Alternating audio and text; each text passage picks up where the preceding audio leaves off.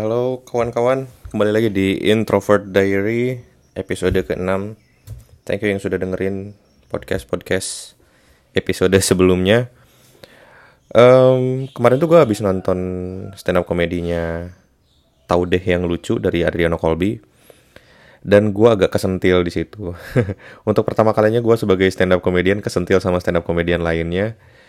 Uh, dia tuh bilang kayak gini, zaman sekarang tuh introvert ngaku introvert itu kan absurd gitu katanya. nah di situ gue kesentil gitu ya juga ya kok kok kok zaman sekarang tuh orang intro, introvert tuh ngaku introvert ya. Termasuk dari judul podcast ini gitu introvert diary yang yang ngasih tahu kalau gue tuh introvert gitu kan Nah dari situ gue kesentil dan cukup panik karena wah iya juga sih itu seolah-olah seperti hanya gue tuh sudah melakukan konsep yang salah dari awal gitu. karena dulu pun gue pernah kepikiran untuk ganti nama podcast ini gitu. Dulu tuh sempat kepikiran nama podcastnya itu ngomel-ngomel namanya tuh. Cuman uh, melihat dari audiens yang mendengarkan podcast mungkin ada beberapa orang yang search dengan introvert gitu ya dengan dengan konten-konten introvert lalu mereka mulai mendengarkan mungkin ada ada ada unsur um, ajakan di judul ini gitu. Oleh karena itu nggak gua ganti. Cuman dari ketika kemarin ketika si Adri bilang introvert kok ngaku introvert? Ya juga sih. Ya jadi um, gue kayaknya nggak akan ganti sih. Nggak akan ganti nggak akan ganti judul uh, podcast ini nama nama podcast ini gitu. Dan kalau ngomongin soal uh, hal yang gue bicarain tadi memang zaman sekarang tuh aneh gue juga. Zaman sekarang tuh introvert tuh ngaku gitu. Kalau waktu dulu kan introvert ya udah seorang introvert pendiam. Kebanyakan kebanyakan ya kebanyakan tuh pendiam. Terus um, paling kayak kalau di film ADC mah kayak Rangga gitu lah ya. Udah aja gitu. Uh, secerewet-cerewetnya orang introvert tuh ya ya kalau deket doang gitu kan cuman di beberapa kasus terutama teman-teman kantor gua terus mereka tuh suka cerita banyak hal sama gua dan tidak jarang gue mendengar stat mendengar statement seperti ini kayak aku tuh kan orangnya introvert ya bla bla bla bla Iya dari situ ya ya kenapa lu ngaku introvert kalau lu introvert gitu kan? Dari dari perilaku juga udah kelihatan gitu mana yang introvert mana yang bukan. Mungkin mungkin zaman sekarang tuh karena tuntutan pekerjaan ya, tuntutan pekerjaan orang-orang introvert tuh dipaksa bukan dipaksa sih terpaksa untuk um, lebih cheers gitu. Lebih happy kelihatannya lebih cerewet gitu karena ya misalkan seorang introvert yang kerja di suatu perusahaan menjadi seorang marketing gitu ya ya gimana lagi mereka dipaksa untuk cerewet gitu dan dan dan pada akhirnya mungkin itu evolusi dari seorang introvert gitu. Kayak ngobrol-ngobrol-ngobrol curhat karena karena karena mereka dipaksa cerewet. Jadi um, jadi jujur aja gitu jadi so, seperti ekstrovert. Cuman bedanya mungkin ekstrovert tuh sangat friendly dan jarang sekali seorang ekstrovert memiliki pemikiran-pemikiran kritis gitu. Jarang sekali. Ekstrovert gitu. Ekstrovert tuh pemikirannya tuh ya lurus aja biasanya ya. Lurus aja gitu berteman bekerja berbisnis segala macem. Tapi kalau introvert tuh oleh karena tuh gue suka banget kalau ngobrol sama orang-orang introvert juga. Pikirannya tuh liar banget gitu. Diajak ngobrol ke sana ke sini tuh um, ngobrolin hal-hal yang berbahaya pun ya ya seru aja gitu dan cuman ya itu dari dari fondasinya juga sih kayak misalkan orang seorang anak introvert terus kuliahnya di jurusan manajemen marketing gitu itu kan menyalahi eh apa ya menyalahi sifat dia gitu, menyalahi karakteristik dia sebagai seorang introvert, berlawanan dengan karakteristik dia sebagai seorang introvert gitu. Ya mungkin dia dipaksa sama orang tuanya untuk masuk manajemen market. Atau mungkin dia suka dengan seni marketing ya siapa tahu juga kan. Yang pada akhirnya dia menjadi orang yang harus demi uang demi demi bertahan hidup dia harus uh, sedikit terbuka dengan orang. Ya mau gimana masa orang seorang yang pendiam menjadi misalkan jadi marketing ngobrol sama orang-orang. Ngobrol sama orang itu kan ada ada ada beberapa apa ya namanya ada beberapa tahapan gitu ada beberapa langkah untuk mempengaruhi orang ya. Misalkan harus ngelobi harus akrab sama orangnya ya. Mau nggak mau kita harus membuka diri gitu. Ya pada akhirnya mungkin ini evolusi dari introvert gitu. Introvert 2.0 kali ya. Dan selain itu di sini juga gue pengen ngomongin soal ada hal hal besar yang terjadi minggu ini di kehidupan gue dan mungkin ini pertama kalinya dalam hidup gue ya. Uh, gue mendapat retweet banyak banget di Twitter. Retweet dan likes, retweetnya itu 10k, likesnya itu sekarang tuh udah berapa? Udah 19 atau 17k gitu. Gila banyak banget itu. Itu tuh berawal dari dari dari gua nge-tweet soal bentar gua lihat dulu. Gua lupa lagi sih. Gua nge-tweet soal eh durhaka sama orang tua gitu ya. Coba gue lihat dulu. dan itu itu gila itu terbanyak sih. Terbanyak selama hidup gue dan follower gue yang ah udah gak usah ngomongin follower deh ya. Itu kayak terlalu uh, terlalu seleb banget gitu ya. Nah gue bacain deh ya gue bacain tweetnya ya. Um, pengen sekali nonton film seorang anak yang durhaka sama orang tua tapi endingnya si anak hidup bahagia dan si orang tua menderita dikarenakan si orang tua sadar dia salah mendidik. Nah gue tuh nge-tweet kayak gitu terus sama Ernest di retweet uh, retweetnya itu sabar ya nanti bulan Desember katanya gitu. Nah setelah itu langsung lah, gue nggak tahu ini kategorinya viral atau enggak, langsung lagi tuh retweet banyak terus. Dan di situ kan gue bikin tweet juga kan, bikin tweet di mana kalau ketika durhaka tuh mungkin tidak melulu anak yang salah gitu. Nah, pokoknya intinya ngomongin itu ya. Bikin tweet gitu dan wow banyak banget reply sama retweetnya itu banyak banget terus banyak yang orang orang yang bilang kayak uh, ya bang relate banget sama kehidupan gue bang katanya gitu. Terus banyak yang curhat juga di tweet gue kayak uh, uh, apa sih? Iya aku ngerasain banget aku tuh dilarang ini itu ini itu pada akhirnya aku merantau gitu. Lah gue kayak gue malah jadi kayak konsultan di sini ya konsultan psikologi. Terus ada juga yang berantem cuy aduh nggak boleh kayak gitu durhaka sama orang tua gini-gini. Tapi kan seorang anak gini-gini. Coba kamu bayangkan jika kamu lahir di Afrika apa hubungannya sama Afrika anjing gue kan ngomongin soal kesalahpahaman anak bukan kesalahpahaman sih kayak e, cara berkomunikasi anak sama orang tua ini. Kamu jadi ke Afrika anjing terus eh apa lagi? Oh, banyak teman-teman gue juga banyak yang retweet kayak lu sama sama gue bro sama gitu-gitu bro. Nah gue ceritain backgroundnya aja ya kenapa ini bisa kalau viral mah itu sudah bukan viral sih banyak yang read gue gue nggak nggak tahu nggak tahu ini kategorinya viral atau enggak gitu ya. Yang jelas ada 10 k 10 sekarang tuh sepuluh ribu lima puluh enam retweet gitu. Itu berawal dari Ernest yang retweet itu aja sih. Gue gue patokannya itu aja karena di retweet Ernest tuh kan seorang uh, director yang sedang naik daun ya sekarang ya yang yang yang fansnya banyak banget gitu. Kalau di luar negeri tuh kayak Christopher Nolan kali ya uh, director yang ditunggu-tunggu banget gitu. Atau filmmaker yang ditunggu-tunggu banget gitu ya. Itu karena itu sih jelas karena itu gitu. Cuman gue ingin ceritain backgroundnya gitu.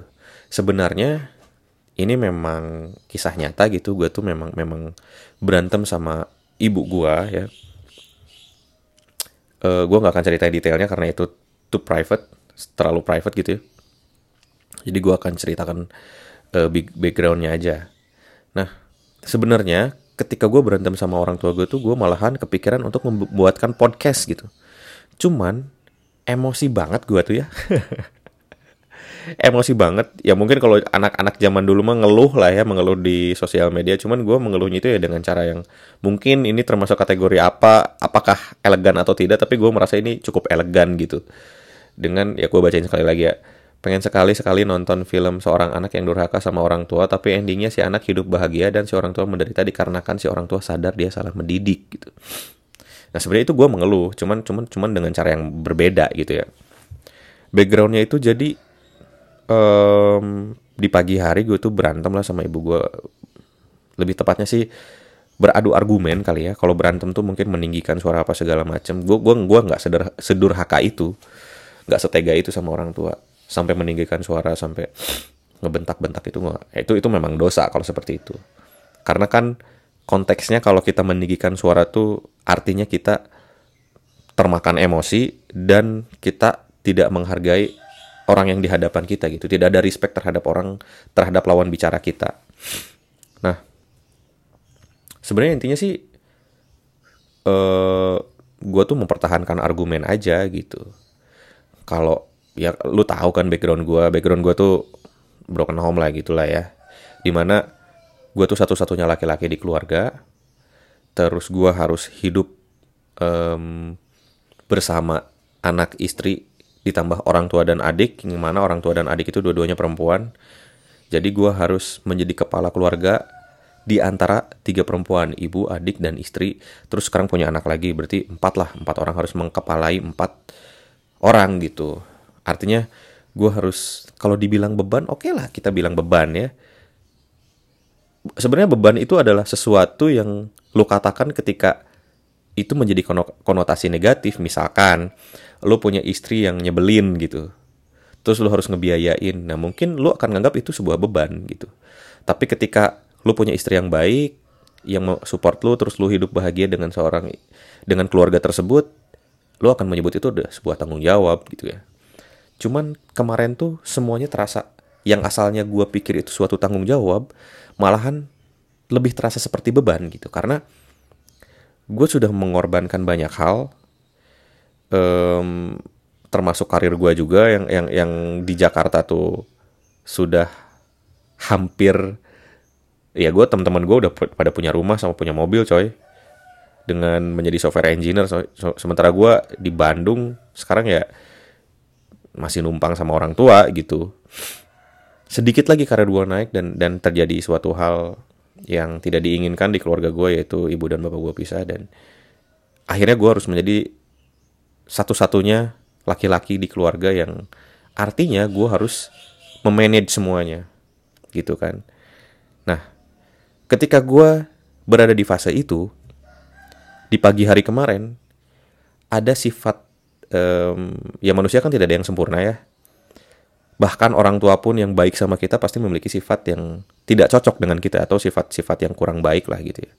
Muncullah kemarin sifat tersebut dari ibu gua gitu. Dan akhirnya kita beradu argumen ya sifat jelek itu menyudutkan gua lah gitu. Jadi gue tidak tidak uh, gue tidak dengan sengaja ingin menyakiti orang tua tidak. Itu memang dia dianya yang memulai gitu. Dan gue tuh mempertahankan argumen karena karena itu lebih ofensif ke posisi gue dan posisi anak istri gue gitu. Lebih ofensif ke situ dan dan di situ gue membela diri sendiri dan istri dan uh, dan keluarga gue gitu. Jadi ada dua keluarga ada ibu dan keluarga gue gitu ya. Posisi itu gue membela, membela istri anak dan diri gue sendiri gitu lalu banyak ngomong segala macam lalu muncullah tweet tersebut. Nah dari situ sebenarnya eh, orang kalau lagi emosi ya ngomongnya itu nggak dipikir dulu gitu loh. Lagi emosi. Jadi yang keluar tuh ya gue juga tidak berusaha untuk menyakiti cuman gue cuman kayak beradu argumen biasa aja gitu. Pada akhirnya gue kalah. Pada akhirnya gue kalah karena uh, argumen yang dilontarkan oleh ibu gue juga sudah tidak setara tapi malah emosi yang didulukan yang gue pikir jika suatu perdebatan sudah tidak setara maka perdebatan itu tidak akan ada ujungnya dan dan tidak ada artinya dilanjutin atau tidak. Ya akhirnya gue mengalah. Ya masa iya sama orang tua nggak ngalah kan? Akhirnya gue mengalah tapi lu tau gak sih rasanya rasanya lu disudutkan dan pada akhirnya harus mengalah gitu. Lu kan kesel keselnya tuh sampai ubun-ubun coy. Keselnya tuh sampai ubun-ubun dan kalau lagi emosi dan emosinya tidak disampaikan ada banyak eh uh, apa ya namanya ya, ada banyak seliwuran pikiran-pikiran kritis yang negatif gitu, pikiran-pikiran kritis yang dark banget, yang gelap banget gitu, kayak kenapa gue tadi nggak ngomong ini aja ya? Kenapa gue tadi? Kalau diginiin lu pasti sakit hati gitu. Oh muncul. Yang pada akhirnya kata-kata tersebut gue bungkus menjadi menjadi tweet itu gitu. Karena dan dan ketika itu gue mikir gitu kayak eh ini kok gue gue seolah-olah seperti anak durhaka sih padahal gue tidak salah gitu. Padahal gue hanya mempertahankan argumen padahal gue tuh ingin membela gue dan keluarga gue gitu. Kenapa gue yang dianggap durhaka? Nah dari situ gue berpikir kalau sebenarnya anak yang durhaka itu adalah konsekuensi orang tua gitu. Karena lu tuh harus misalkan lu sebagai orang tua ya lu tuh harus sadar kalau lu tuh bukan makhluk yang sempurna gitu. Lu tuh tidak selalu bisa memberikan yang terbaik buat anak. Mungkin lu bisa memberikan uh, nafkah lu bisa memberikan rasa nyaman, rasa aman, tapi belum tentu lu bisa memberikan pendidikan mental yang benar gitu. Lu bisa eh, pendidikan mental yang sesuai dengan anak tersebut. Baik atau tidaknya itu relatif ya. Cuman yang sesuai dengan anak tersebut gitu. Gue tuh dari kecil dididik dengan kekerasan. Bukan kekerasan fisik tapi kayak kekerasan verbal gitu.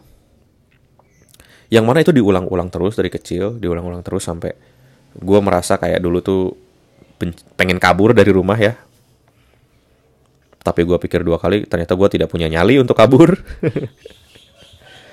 um, terus juga dulu gue bodoh banget, nilai gue kecil-kecil dan dan ketika gue dewasa sekarang, gue sadar sepertinya didikan orang tua gue itu tidak cocok dengan gue gitu. Didikan orang tua tidak cocok dengan gue.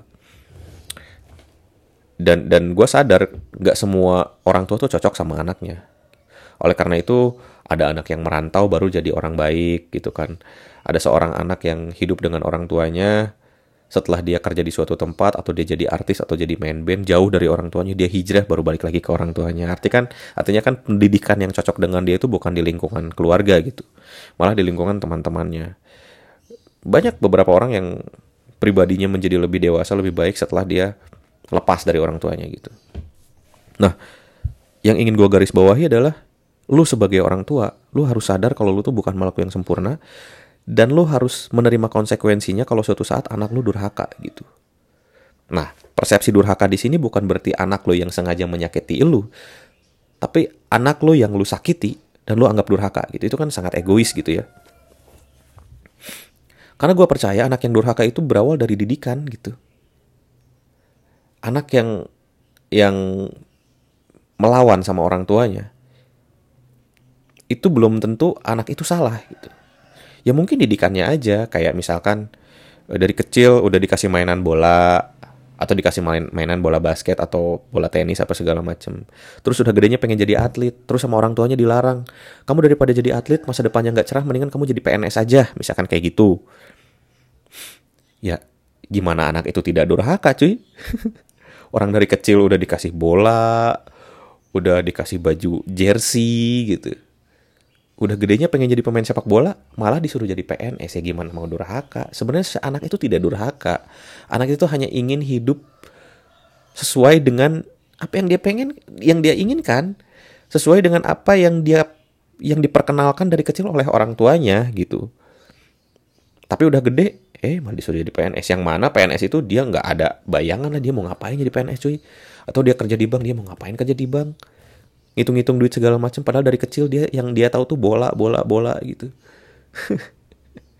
Ya wajar lah kalau anak lu jadi durhaka gitu ya. Nah kayak zaman sekarang tuh gue bukan zaman sekarang sih zaman dulu kali ya. Orang tua zaman dulu tuh plek aja gitu ngambil ngambil um, kutipan-kutipan dari hadis atau Al-Quran yang bilang kalau anak bilang ah aja durhaka dan disalahgunakan kalau apa pun yang lu lakukan sama gua yang pada akhirnya menyakiti gua berarti lu durhaka gitu. Ya tidak fair gitu. Terus teman-teman kantor gua bilang ya mungkin kamu belum merasain kan anak kamu masih kecil apa segala macam. Oke mulai sekarang gua tanamkan kalau gua harus menerima konsekuensi jika suatu saat anak gua menjadi orang yang membangkang gitu. Gua harus terima sekarang. Gua gua membuka gua sangat membuka eh, pemikiran-pemikiran seperti itu. Jadi kalau misalkan suatu saat gue sakit hati oleh anak gue ya, gue harus terima konsekuensinya.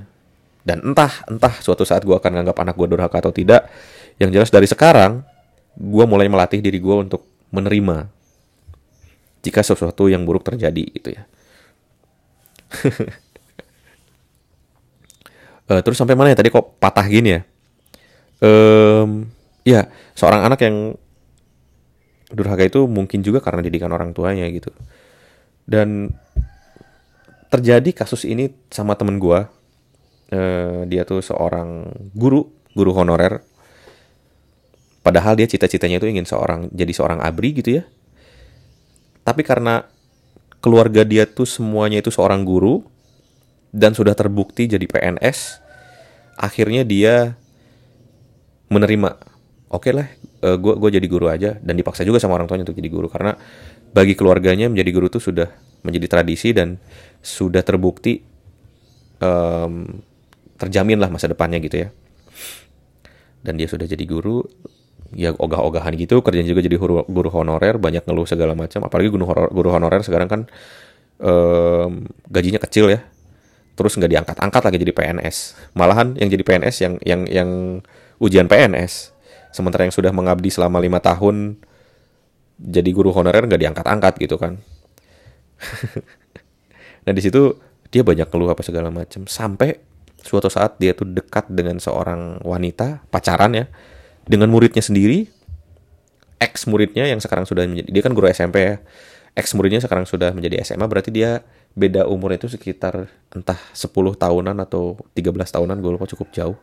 Dan orang tuanya itu marah-marah cuy karena umurnya terlalu jauh dan orang tuanya itu pengen yang setara dengan dia yang sama-sama S1 lah gitu ya. Marah sama dia cuy nggak nggak merestui lah. Lalu dia dia bilang sama gue cerita gitu oh gue nggak direstui gini gini gini. Dan di situ gue marah cuy gue marah kayak mau sampai kapan orang tua lu ngatur-ngatur lu? gitu. Ini kehidupan kehidupan lu yang jalanin gitu. Lu lu misalkan jodoh ya di, di, ditentukan sama orang tua lu terus atas dasar uh, kamu kalau nikah sama ini hidup kamu nggak akan bahagia misalkan kata orang tua kamu. Eh, kata orang tua lu. Terus kalau kamu nikah sama dia misalkan dijodohin ya kamu nikah sama dia masa depan akan terjamin. Hidup kamu akan lebih baik gitu misalkan kata orang tua kayak gitu. Tapi kan setelah lu nikah tuh yang hidup berdua dengan istri lu itu kan ya lu sendiri gitu. Tidak ada nggak mungkin kan kayak misalkan uh, lu nikah sama cewek yang direkomendasikan sama orang tua lu terus apa-apa sedikit curhat sama orang tua apa-apa dikit curhat sama orang tua gitu. Yang pada akhirnya ini ya ini worst case-nya gitu ya. Yang pada akhirnya ketika hubungan pernikahan lu gak berhasil siapa yang lu salahkan? Kalau lu nurut sama orang tua ya udah kamu nikah sama oke bu aku nikah sama ini. Aku percaya sama ibu. Dan beberapa orang memang bilang begitu. Uh, kalau gue ada ada ada teman gue yang uh, kalau orang tua suka gue ambil tapi kalau orang tua nggak suka ya gue nggak akan jadi nikahin gitu artinya dia itu sangat bergantung sama orang tua menurut gue worst case nya dari hal tersebut adalah ketika pernikahan lo tidak berhasil lo akan menyalahkan orang tua lo gitu terus kata teman gue tuh tapi kebanyakan berhasil. Iya, mungkin sejauh ini berhasil. Yang namanya hubungan kan gak tahu orang tua gue aja pisah setelah pernikahan 27 tahun cuy. belum tentu pernikahan lu berhasil, long last tuh belum tentu coy. Makanya ini hanya apa ya ini ini ini step uh, argumen gue aja untuk orang-orang yang nurut terlalu nurut sama orang tuanya yang yang mau aja diatur sama orang tuanya.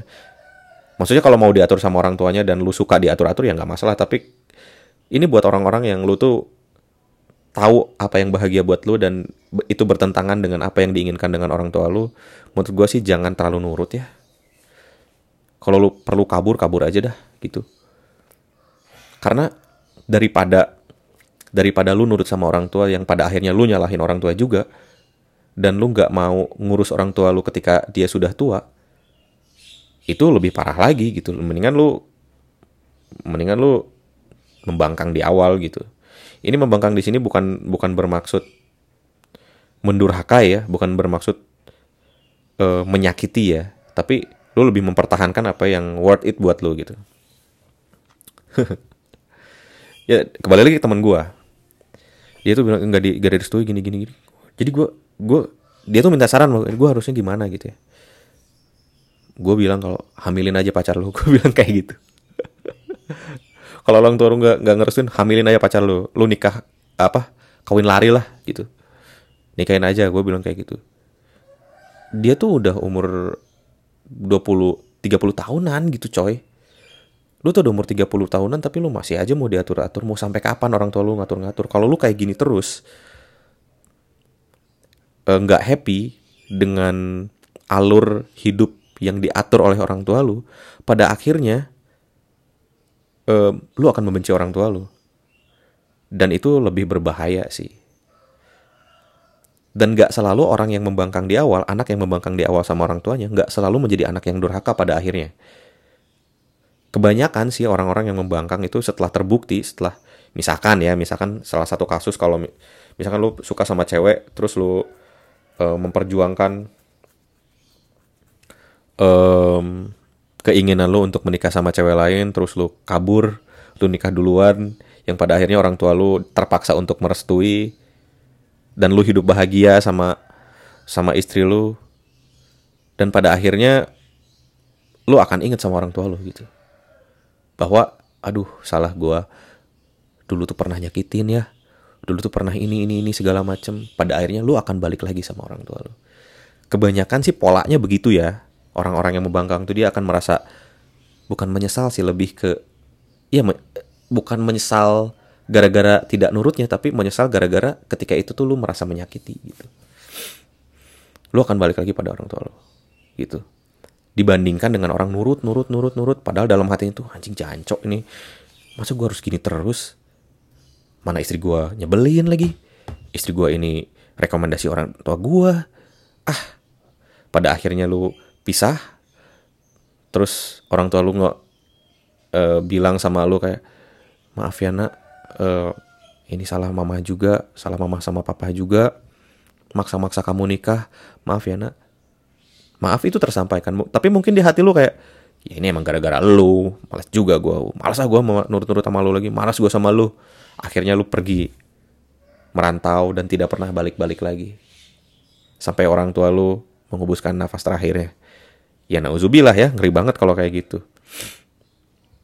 Dan ketika lu terlalu nurut dan lu terlalu banyak berkorban, terlalu banyak mengorbankan um, keinginan lu, kebahagiaan lu demi orang lain, pada akhirnya lu akan tahu kalau lu akan menyesal kalau suatu saat kenapa gua nggak gitu aja ya? Kenapa gua, dulu gua nggak nurut sama diri gua? Nggak memperjuangkan kebahagiaan gua aja lah yang pada pada akhirnya lu membenci orang yang dulu ngatur-ngatur lu gitu. Jangankan gitu gue aja sama ustadz gue ya agak benci dikit coy. Karena didikan yang dia bangun gitu. Itu cerita lain lagi lah ya. Dan ya alhamdulillah tidak terjadi apa-apa kok sama keluarga gue, sama ibu gue dan kalau tidak terjadi apa-apa dan itu hanya kita sepakat kalau itu hanya emosi yang sementara gitu ya. Hanya emosi yang sesaat gitu. Dan itu tidak penting lagi untuk dibicarakan tidak penting lagi untuk diperdebatkan karena itu adalah ya kan yang namanya masalah itu nggak semua masalah penting coy. Cuman di kita tuh masalah penting nggak penting senangnya tuh debat mulu. Padahal itu nggak penting buat hidup lo gitu. Dan itu pun sama nggak penting untuk diperdebatkan. Gue lebih ke gue nggak mau itu terulang lagi sih. Karena ketika orang tua gue melakukan itu lagi, akan dengan saat, akan dengan senang hati akan gue ladenin gitu. Agar itu tidak berulang lagi. Karena sakit banget coy. Sakit banget ketika lu disakitin tapi lu harus ngalah gitu. Sakit banget coy. Dan itu sama orang tua. Dan dan gue sudah tidak peduli sih. Gue sudah terutama dengan background gue yang seperti background keluarga gue keluarga gue yang sekarang ini gue sudah tidak peduli lagi harus menyakiti siapa. Jika itu uh, menyinggung diri gue sendiri dan keluarga gue ya gue tidak peduli. Gue akan lawan itu. Gue akan pertahankan argumen. Gue akan defensif untuk menyelamatkan psikologis gue, kesehatan psikologis gue, dan uh, demi keharmonisan keluarga gue sendiri. um, kalau karena itu di agama di agama gue khususnya gitu ya ada yang uh, entah hadis entah Al-Quran gue lupa lagi sepertinya Al-Quran sih yang bilang kalau bilang ah aja itu sudah dosa gitu kan. Nah kalau kita berpatokan terhadap kutipan tersebut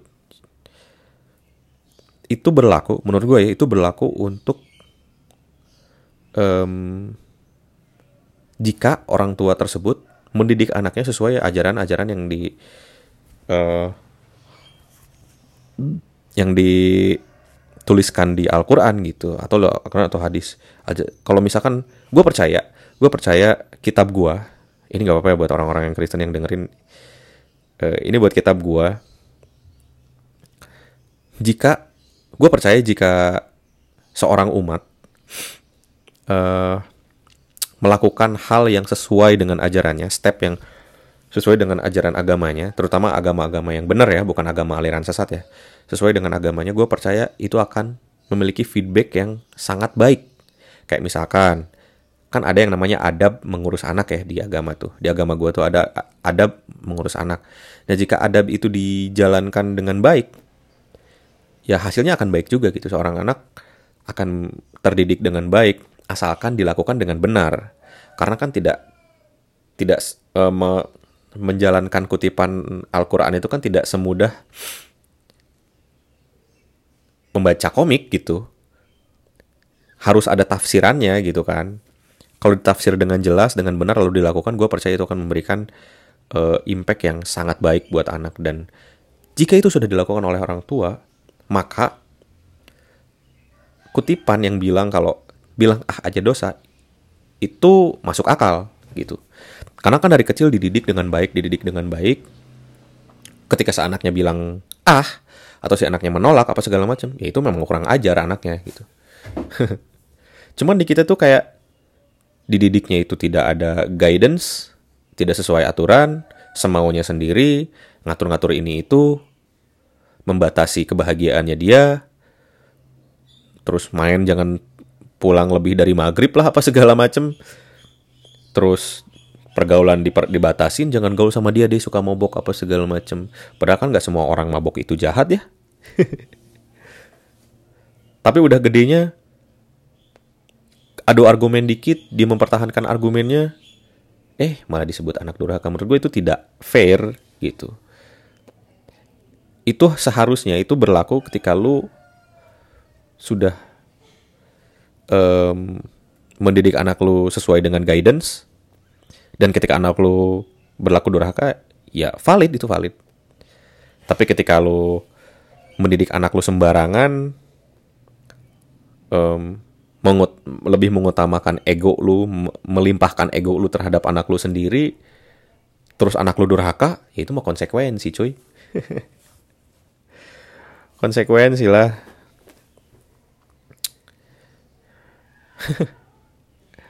By the way, kalau lo pengen lihat tweetnya, silahkan lihat di Twitter gua aja @irfauzan ya. @irfauzan, sekali lagi @irfauzan, siapa tahu. siapa tahu nggak tahu ya. Memang nggak tahu sih kayaknya. Eh, @irfauzan, nah di situ adalah tweet gua. Dan teman-teman, aduh ini pagi-pagi jadi rada flu. Teman-teman kalau misalkan mau komentar atau ngebully gue atau ingin ber ingin merespon podcast gue silahkan message gue aja di Instagram di at irfauzan underscore ya. Atau mention di Twitter juga nggak apa at irfauzan. Silahkan. Silahkan mau ngebully gue mau bilang kalau argumen gue tidak valid apa segala macam silahkan. Gue sangat open. Jadi ya udah segitu aja deh. Kalau misalkan ada yang kurang, sorry. Tapi kayak pastinya banyak yang kurang sih. Ya udah, thank you kalau gitu, bye.